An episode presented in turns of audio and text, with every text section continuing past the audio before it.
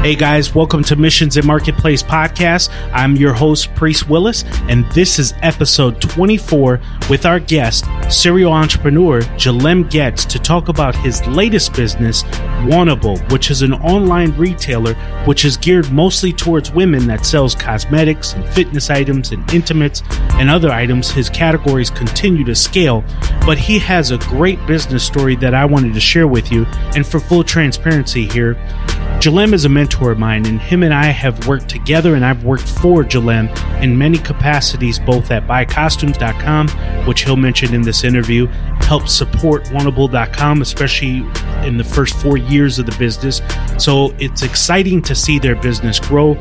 You can read so much about their growth out there. They started off with three employees, and now they're at 50, and who knows when this podcast is launched, he may have double that. I'm very happy to see his success, but more importantly, Jalem is sharing some tidbits with you guys about how that growth is in place and kind of the things that he's launched off on and the, the risk that he's taken within his career and on his entrepreneurial journey that I'm so excited for you to hear.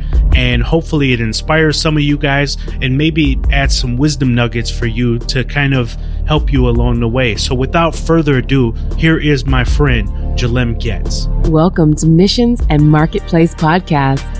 Join us as we talk to business and thought leaders to discuss their passions in and outside of business and how it drives them to give and be citizens of goodwill. Let's get started. Jalem, welcome to the program.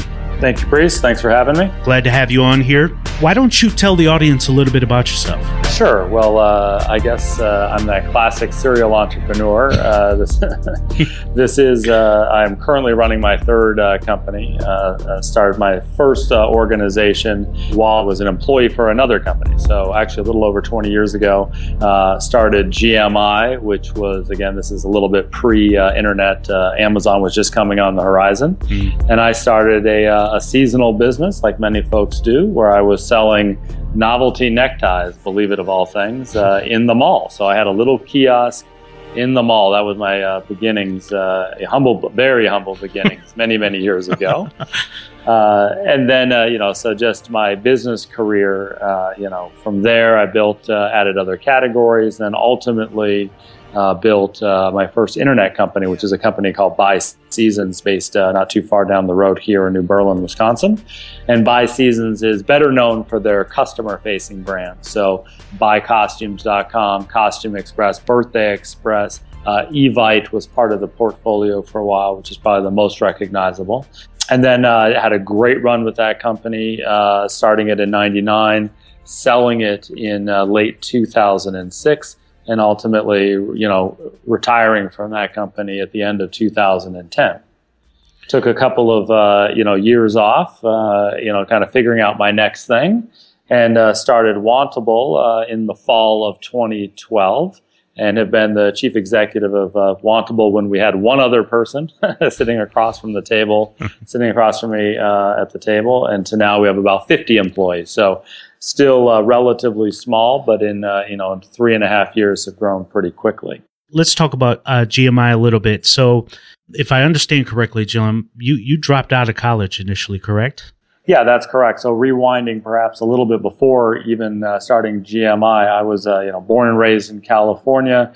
Uh, I grew up in a you know lower uh, middle class uh, family that was very entrepreneurial. My you know my parents had their own businesses, many of them you know as I was growing up. But I went to school, started school to become you know an engineer, not not the programming engineers you're most familiar with today, but a mechanical engineer. I, mm-hmm. You know, I wanted to build things with my hands. I was always very much into that. Long story short, I was never a very good student, but I did pick up a, a job for a small company while I was going to school, and I uh, got a patent for that company. So uh, we had designed something. I had designed something while I was working for that company uh, that they then patented, uh, and uh, based on that and other things, they offered me a job in Wisconsin. So by day I was kind of going to school, but more so I was kind of working for this other company. So moved from California to uh, Wisconsin with the plan of you know continuing my schooling out here. But what I really realized as I got here, uh, you know, as a hot shot, uh, you know, just turned 20 years old, or so I thought I was, uh, uh, had a patent and, you know, was ready to kind of dive into my engineering career. But uh, uh, quickly I learned that there were other engineers that were far smarter than I was and certainly better educated than I was, and they weren't making any money.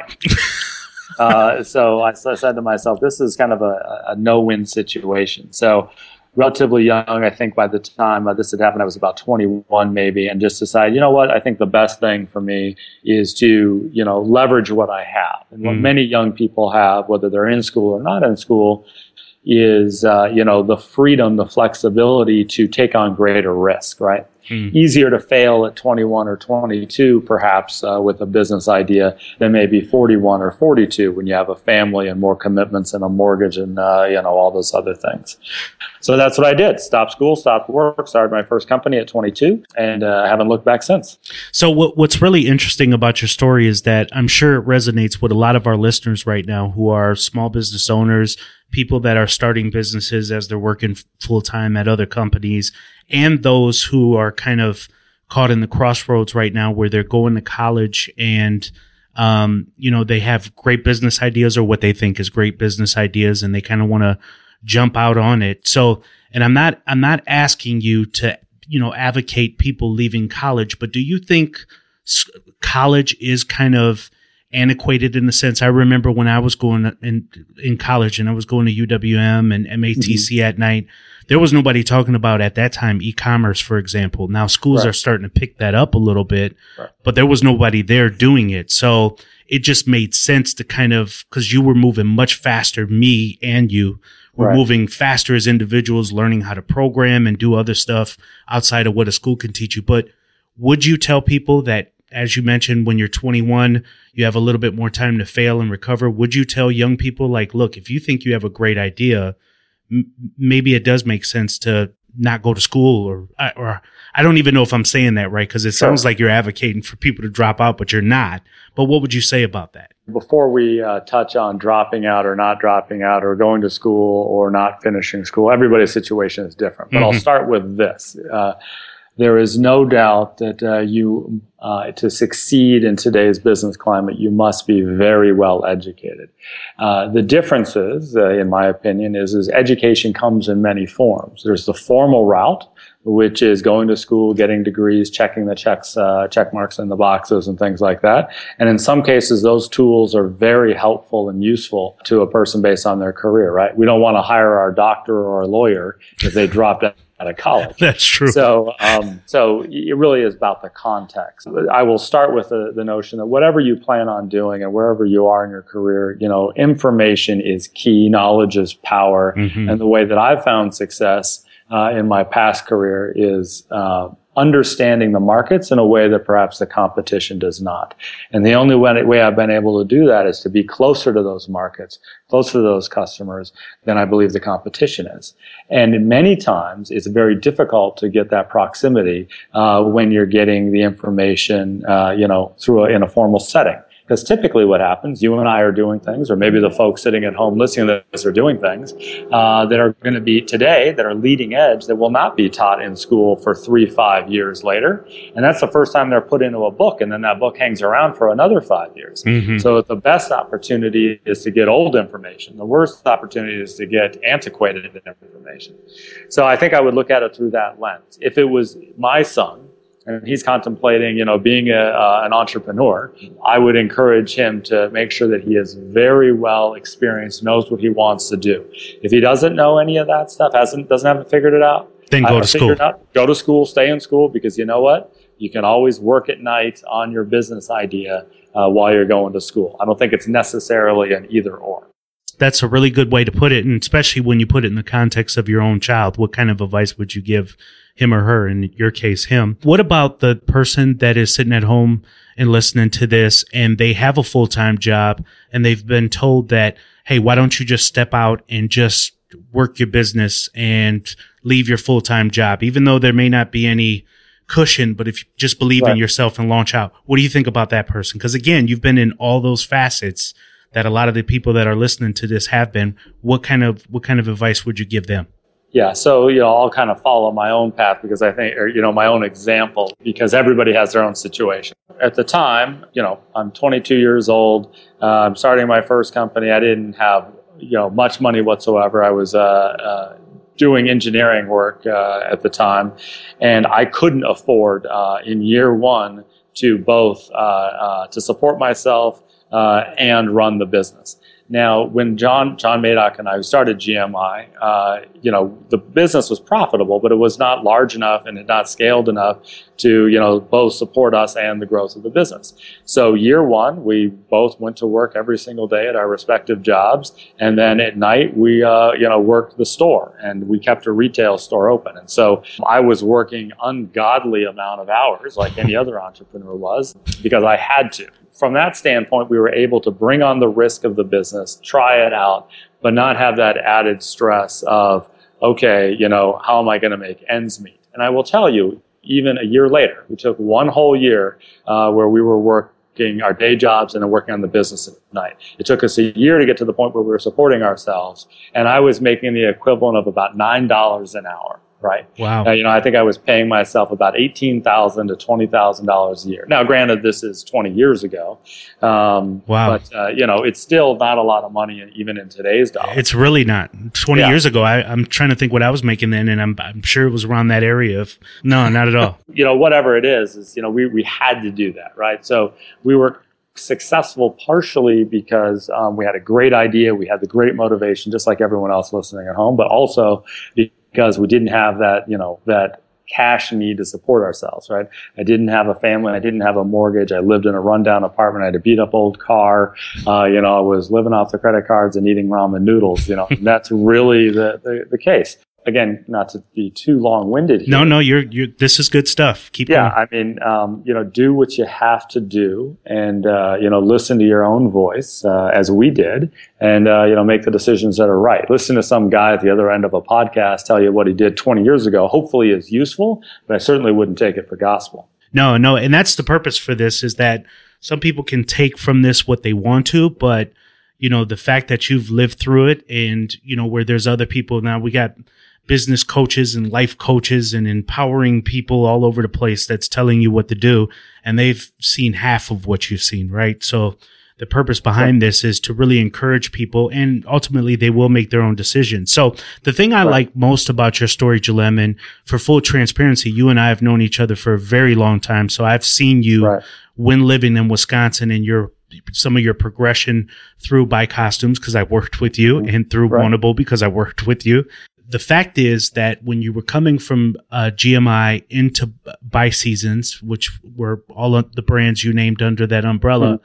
you saw the shift there. You saw the the market sort of moving to online, people shopping online. Mm-hmm. So you were moving from kiosk to online. Now with Wantable, you're in a, a subscription model business, and we'll kind of talk about that a little bit. But first, let let's get into that. Why don't you tell talk about Wantable for a minute and tell us what it is? Yeah, so uh, you know, Wantable is a women's uh, centric retail brand. What the heck does that mean? That means that we hmm. focus primarily on women and we sell products.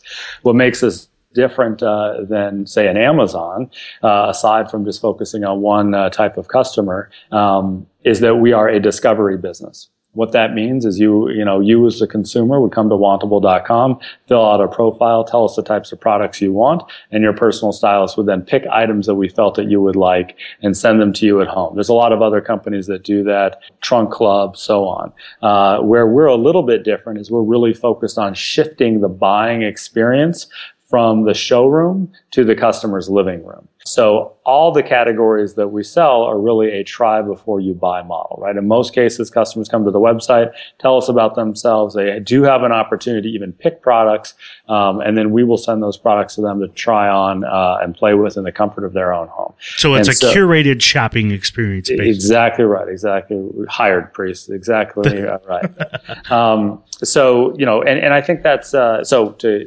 why that uh, type of experience because I'm a huge fan of Amazon and I had to compete with Amazon in my previous company. And whether it's Amazon or some other large player out there, your bases are covered when you know exactly what you want. You can go online and find it with one click, and Amazon will have it to your doorstep tomorrow, uh, or you can go to your local store and buy it. So the value proposition of the late 90s, early 2000s was assortment.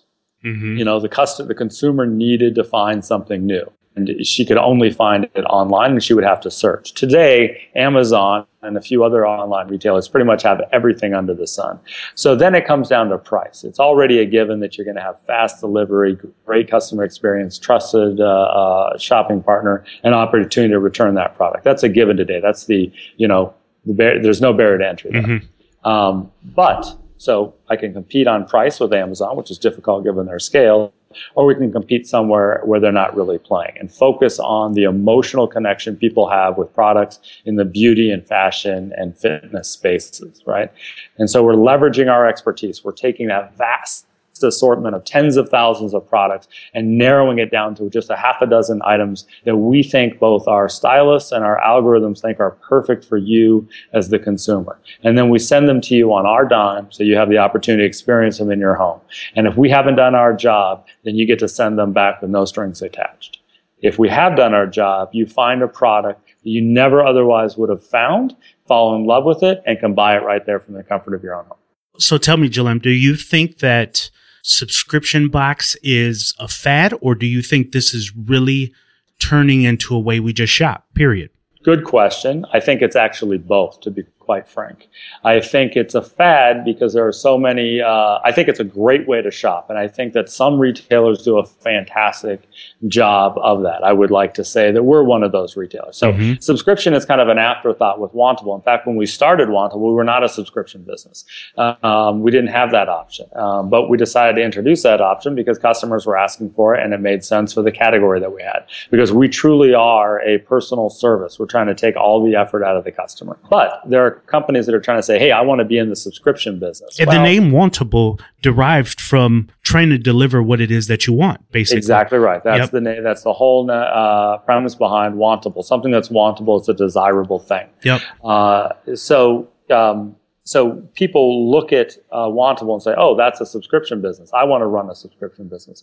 No, Wantable has a subscription component, but we're really solving another problem, and subscription is one option for the consumer. And frankly, for us, right? Uh, so having a, subscri- uh, a series of customers that will just receive orders month after month and enjoy that, you know, that helps us scale quickly, to be perfectly frank. But it's equally valuable, if not more valuable for the consumer because we're reducing the need for them to have to come to the site, fill out profiles, do all these other things the reason I'm explaining this is because everyone that says, "Hey, I just want to have a subscription business," subscription businesses are fantastic mm-hmm. if at their core they're solving a consumer's need, mm. and I think that's really what it comes down to. You have to provide valuable value for your customer whoever he or she is.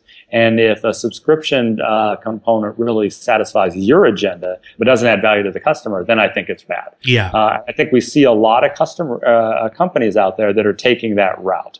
So they're um, and what I mean by that is that they're saying, hey, I'm trying to reduce churn, so I'm going to play some games with the customer, right? I'm going to send them stuff without letting them know first. If they want to unsubscribe, perhaps I'm going to make it difficult for them to do so and insist that they call me or creating other roadblocks. Mm. Wantable and many other great companies don't do that. So in our case, we would never send a customer a product without sending her an email notification in advance. Not only that, are we notifying her in advance before we bill her, we're giving her plenty of time, at least 24 hours, to with one click, one call, or one response to that email to say, unsubscribe, cancel, or, you know, skip. So what we look at, what other co- companies look at, again, not to turn this into a sales pitch, but I think mm-hmm. it's a distinction yeah. on a, you know, a good subscription business versus perhaps one that's not as good other companies, and I've been in uh, uh boardrooms presenting to VCs, and the first thing that they ask is, "What's your churn rate?" Well, the churn rate is the percentage of your customers every month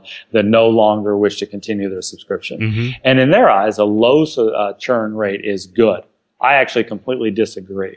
A low churn rate means that you're putting roadblocks in front of the customer, and it's making it difficult for her to opt out. But when she does finally opt out, she's never coming back. In the case of Wantable, if she doesn't want to buy from us one month, or 10 months or forever. That's perfectly fine with us because we think it's, we never want to have a relationship with a customer that doesn't want a relationship with us. So instead of tracking the churn rate and obsessing about that like perhaps some of our competitors would, setting aside the, uh, the needs of the customer, we focus on net promoter score. And Priest, I'm sure you're familiar with Net Promoter yep. Score, but it's essentially a way of gauging customer satisfaction.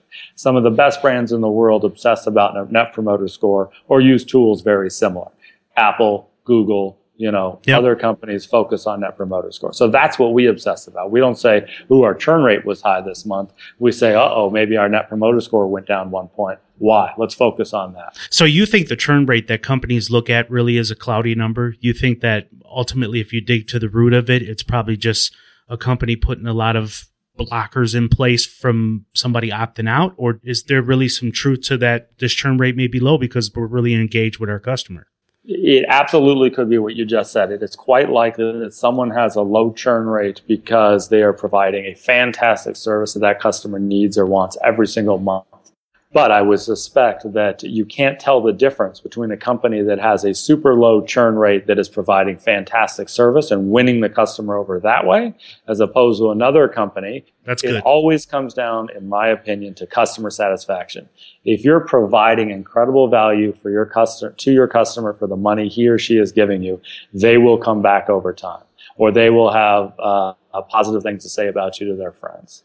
Um, I think that's what builds a sustainable company so when you came out of the world of costumes party, um, the focus was online for a lot of years, ecom that is, and yep um, you went into Wantable and, and you talked a lot about scale. So we're, we're talking about the different product offerings under Wantable. So you started with accessories and makeup and eventually you went into intimates and, and fitness.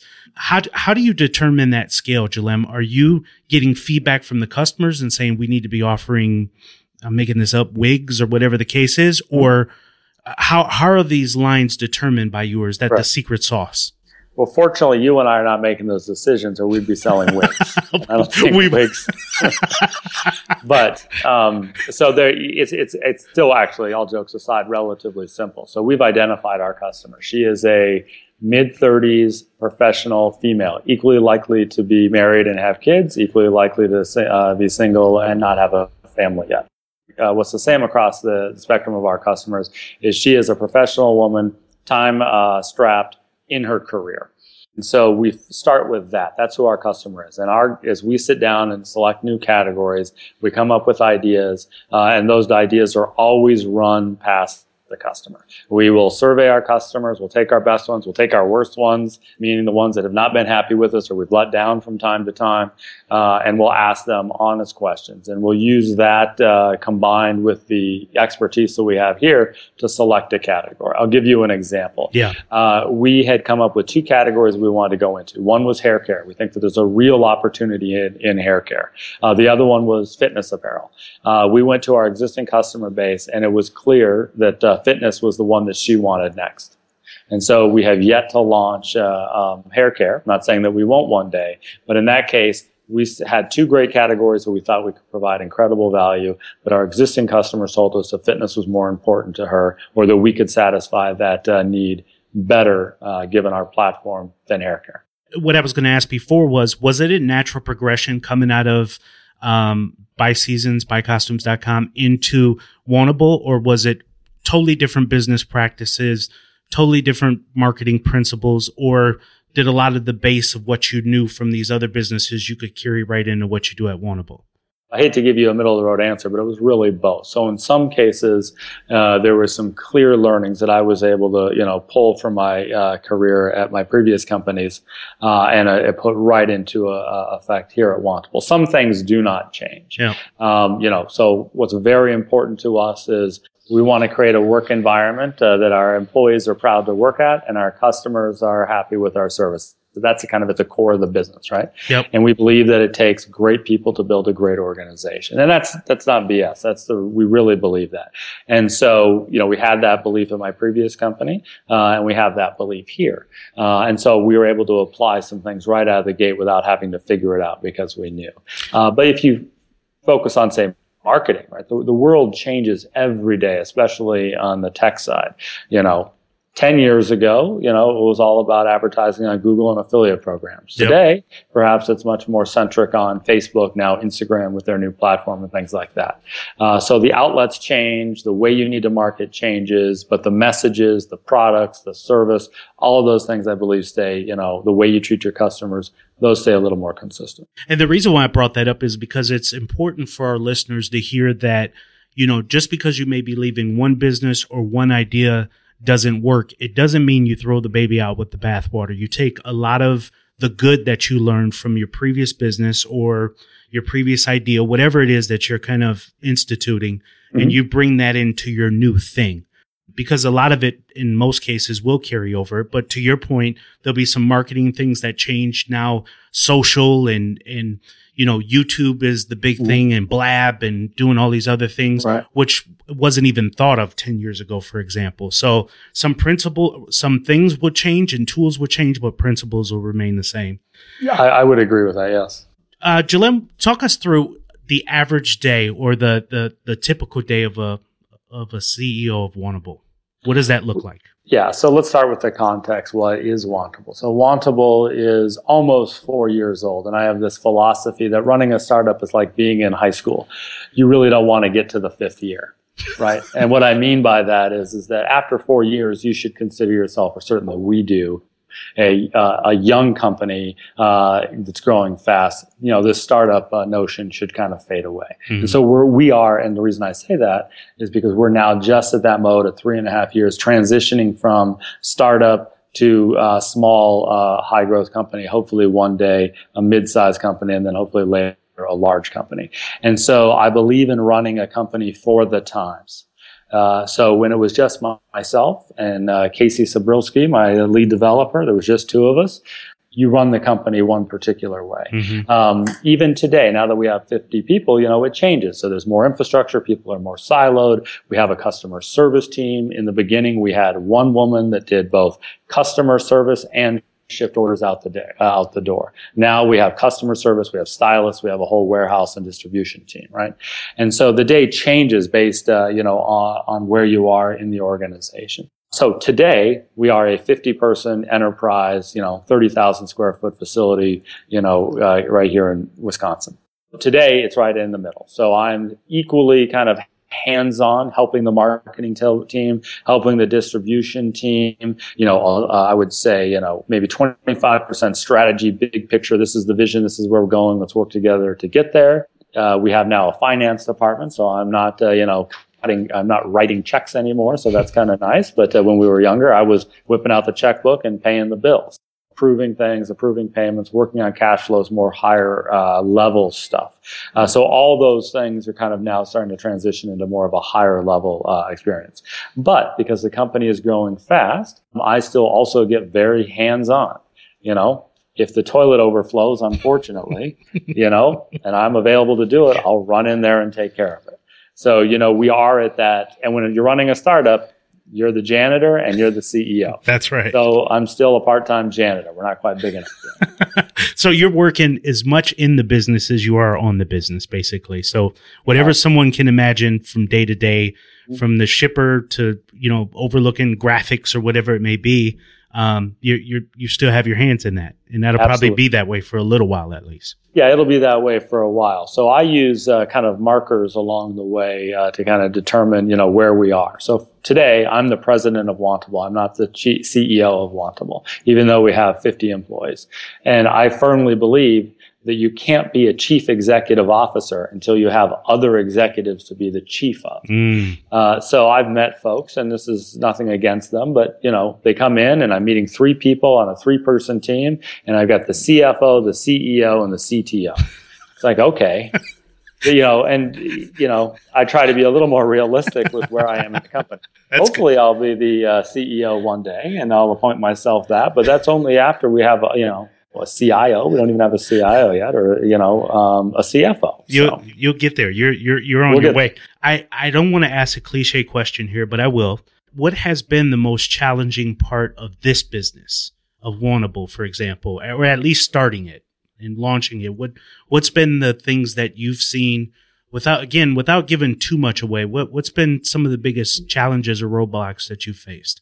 So uh, I'll talk a little bit more about maybe the first six months or so of the company because I think actually that's where the biggest challenges were okay. from the business. Uh, as you know, and as hopefully your listeners will now know, is that, you know, after I left my last company BuySeasons, I just didn't wake up two years later and start Wantable and it was off to the races. I tried two things in between. Mm-hmm. So I started my own little teeny incubator, hired one uh, or two people, and I started uh, two other uh, ideas. And the great thing about those is I learned very quickly. It took me a year for both of them, so about six months on each one, to learn that those were just not good ideas. Sometimes one, one of them uh, was good, Jalem. I, I like the side one. You like Side? Side.com? I uh, did like I did like Side. yeah. Well, thank you. I appreciate it. You're the one one fan I have. so actually, let, let me cha- let me revise my answer. All right.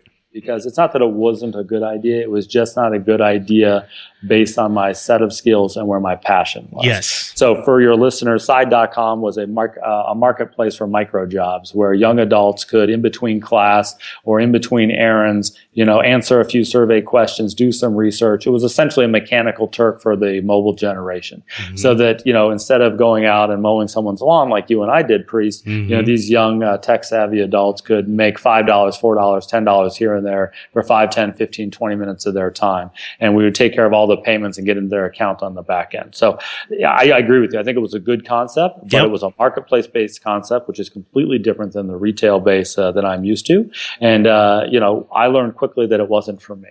Uh, so, you know, I know we're going a little uh, across the board here, but the fact is that I, the blessing from those two ideas was I learned pretty quickly that they weren't for me or they were just not good ideas. And so I was able to move on quickly. So now put it in the context of Wantable. Right out of the gate, we had some traction. But to be honest, you know, we were only selling makeup and we didn't have it completely figured out. We were getting those glimpses of success. You know, people loved the product but there were some other things in the business. Maybe it was the margin. Maybe it was other things that set, made me say, "Hey, can I really turn this into a hundred million or a billion dollar company?" Mm. And you hear about so many companies out there that uh, right out of the gate they figure it out, they know, and it's all about execution and scale. And Wantable, certainly in the first six months, it wasn't that. It was making the tweaks, making the adjustments before we uh, decided to scale to say, "Hey." Do we have a business that's going to be here for a year or two, or do we have a business that can last forever? What What made you stick with it, even though at least in the first six months the numbers just didn't weren't indicative of you should stick there? What What was that? Yeah, so the, the, so I wish that the numbers. Uh, so the numbers I like to go either way. Either you just know right out of the gate, like we did at BuySeasons, day one, we have a home run. It's yep. all about execution now and getting money into the business. Or like my previous ventures, where it's like this is just a bad idea. okay, you get to quickly move on, right? Because the challenge is when you're running an idea or a business that's in the middle, is you're constantly thinking to yourself do I kill it? Do I continue? Do I kill it? Do I continue? And that's the worst space to be in. Mm. I'd rather have a bad idea that I know is a bad idea right out of the gate than a bad idea that takes me two years or 10 years to figure out. Fail um, fast. Um, fa- fail fast. Exactly right. So it's not that Wantable was very successful, you know, out of the gate, but there were certain indicators out there, and I'm not trying to be too evasive, but there were certain indicators that made us say, hey, can we make this sustainable business? Can this be a huge company? Are we really adding value to the customer? Or are we more of a flash in the pan fad? Hey, people like it because it's shiny and new. Um, and to be honest, uh, we changed the model pretty quickly. The first model was makeup only, a predetermined assortment based on your profile, and you would only uh, have the opportunity to buy once every three months. And the customers were beating down the door saying, I want more variety. I want to buy every month. And, you know, they weren't saying send this as a subscription, but they wanted it to make it easier in the natural mm-hmm. evolution with subscription. So to answer your question, the hardest part was making those adjustments, even though we had initial indicators of success and saying, you know what, that success is not good enough. This is really where we need to be. And it took us the first half year of the company, uh, you know, to do that. So I know Wantable has grown past uh, the subscription model, especially with the, the other things that you're offering and you guys continue to evolve. But let's say like somebody wants to start there because that seems relatively easy just to jump into. They want to get into the subscription business. This kind of goes back to my question a little earlier, but do you think people can still jump into it, or do you think it's at a point where the market is just too saturated? And I think I know your answer to this. It's going to be if you have something that serves the customer, then get in it. If you don't, yep. then don't. Um, but maybe you'll say it a little bit more eloquent than that. So, do you think the market is just too saturated for someone just to jump in? the market is absolutely saturated, but no market is ever too saturated for a great idea. Mm. And that sounds like a non-answer, but there are, you know, but it's true. So there are companies out there that jumped into the uh, the subscription business that will fail. Uh, and there's a bunch that have already failed and mm-hmm. shut down doors. But that's because they were jumping in on a fad. And there were companies that started off uh, very early, maybe were the innovators uh, that have recently laid off people. So they may not actually be around. But there is no doubt that when we come on the other side of this one, two, ten years down the road, that there will be some companies that, in your words, refer to as a subscription company that are really solving customer problems and taking care of those people and are in it for the long haul. And maybe one or two of those ideas haven't even been thought of yet. But the market doesn't work that way. The market, in terms of the market of venture capital and angel investments, they're trying to shut the door already and say, okay, you know, we already funded the subscription businesses. You know, the winners will, uh, you know, be determined, uh, you know, based on who's already in the game. That's not true. If you have a, it is a little more difficult now. Yeah. Your competitors have a big head start on you. But if you have a fantastic idea, there is no doubt in my mind that uh, some of the best subscription companies in the world uh, have yet to be started. But there's already some fantastic ones that are uh, on their way. For me personally, and I've told you this before, both with you and I talking separate, but I'll say it here. You have uh, been a mentor of mine for many years. Um, and again, we've worked with one another in mm-hmm. different capacities at BuyCostumes and Wantable and so forth and so on. And um, you've always been someone that I could bounce ideas off of. And you told me, Priest, that's crap. And I would tell you, Jalem, that's crap. And uh, that's a mentor to me. And you've been there right. for me. But at the end of everything, how do you want to be remembered? What do you ultimately want your legacy to be? So you've solidified the entrepreneurial piece. Right. But even beyond that, how do you want to be remembered, Jalem? Well, hopefully it's not all said and done yet, Priest. But uh, you know, I, um, honestly, uh, you know, I think that uh, entrepreneurship, building companies, creating value is to me just a stepping stone uh, to achieve the things that I want, right? So financial independence is great, other things are great, but at the end of the day, I'm a firm believer, and this is my personal uh, uh, feeling, mm-hmm. you know, to leave this world a, a slightly better place uh, than when I arrived. And uh, in some ways, uh, we do that through the organizations that I've led, right? You know, yep. we have people that have, you know, built their careers within and around yep. the companies that I started. So that's fantastic fantastic. But beyond that, you know, I'm looking to leverage all the, the value that we create, the wealth that we create here uh, to make the world a better place. So when it is all said and done, you know, when uh, in 40 more years from now, uh, you know, hopefully uh, it won't just be because I lined my pockets. It's because I've done some good in the world too. That's right. And, and that's why we call this missions and marketplace because you can look at CEOs and creators of business as capitalism, and I believe in capitalism personally. Um, so, but, but from an aspect of what we're talking about, we're talking about more conscious capitalism, and you just kind of nailed it on the head. That along the way, as you were creating businesses, there were other people in those companies, BuyCostumes, including myself and other mm-hmm. people within Wantable, that are gaining tools, gaining knowledge, um, in in doing inspiring things in business that even large companies aren't doing right now, or that you can't learn in school. That is creating something foundationally for them to stand on, and that is a mission within the marketplace. So that's really good. Um, so, Jalem, what can we look from you in the future from both you and Wantable? For me personally, uh, you know, as you know, I uh, you know have a, a, young family, so I'm excited to uh, you know continue on that journey as I'm building a startup. I'll tell you, my son teaches me what it's like to be a startup. I mean, the, the pace in which he learns and consumes information and uh, adapts to his environment is a great lesson for anybody that's starting a company. So, you know, look to your kids sometimes. But from the business standpoint, uh, it's really about focusing focusing. Uh, there's not a lot of sexy stuff uh, to come from us, no pun intended. It's about continuing to sharpen our skills, improve our service, build value for our customers, and we'll wake up in hopefully three, five, ten years from now, and we'll have that hundred million or billion dollar company. Um, but there are unfortunately no shortcuts that I've found uh, as of yet to getting there. Yeah, I haven't found any either. If you do, let me know. I no, I, you likewise. I look love Jalem, you've been awesome. I really appreciate your time.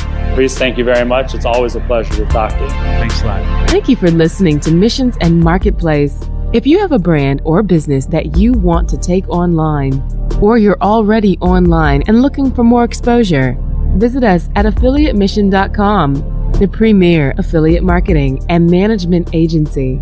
Also, feel free to get social with us and check our Facebook, LinkedIn, and Twitter pages and share with us your story on how you're leaving a mark in the world.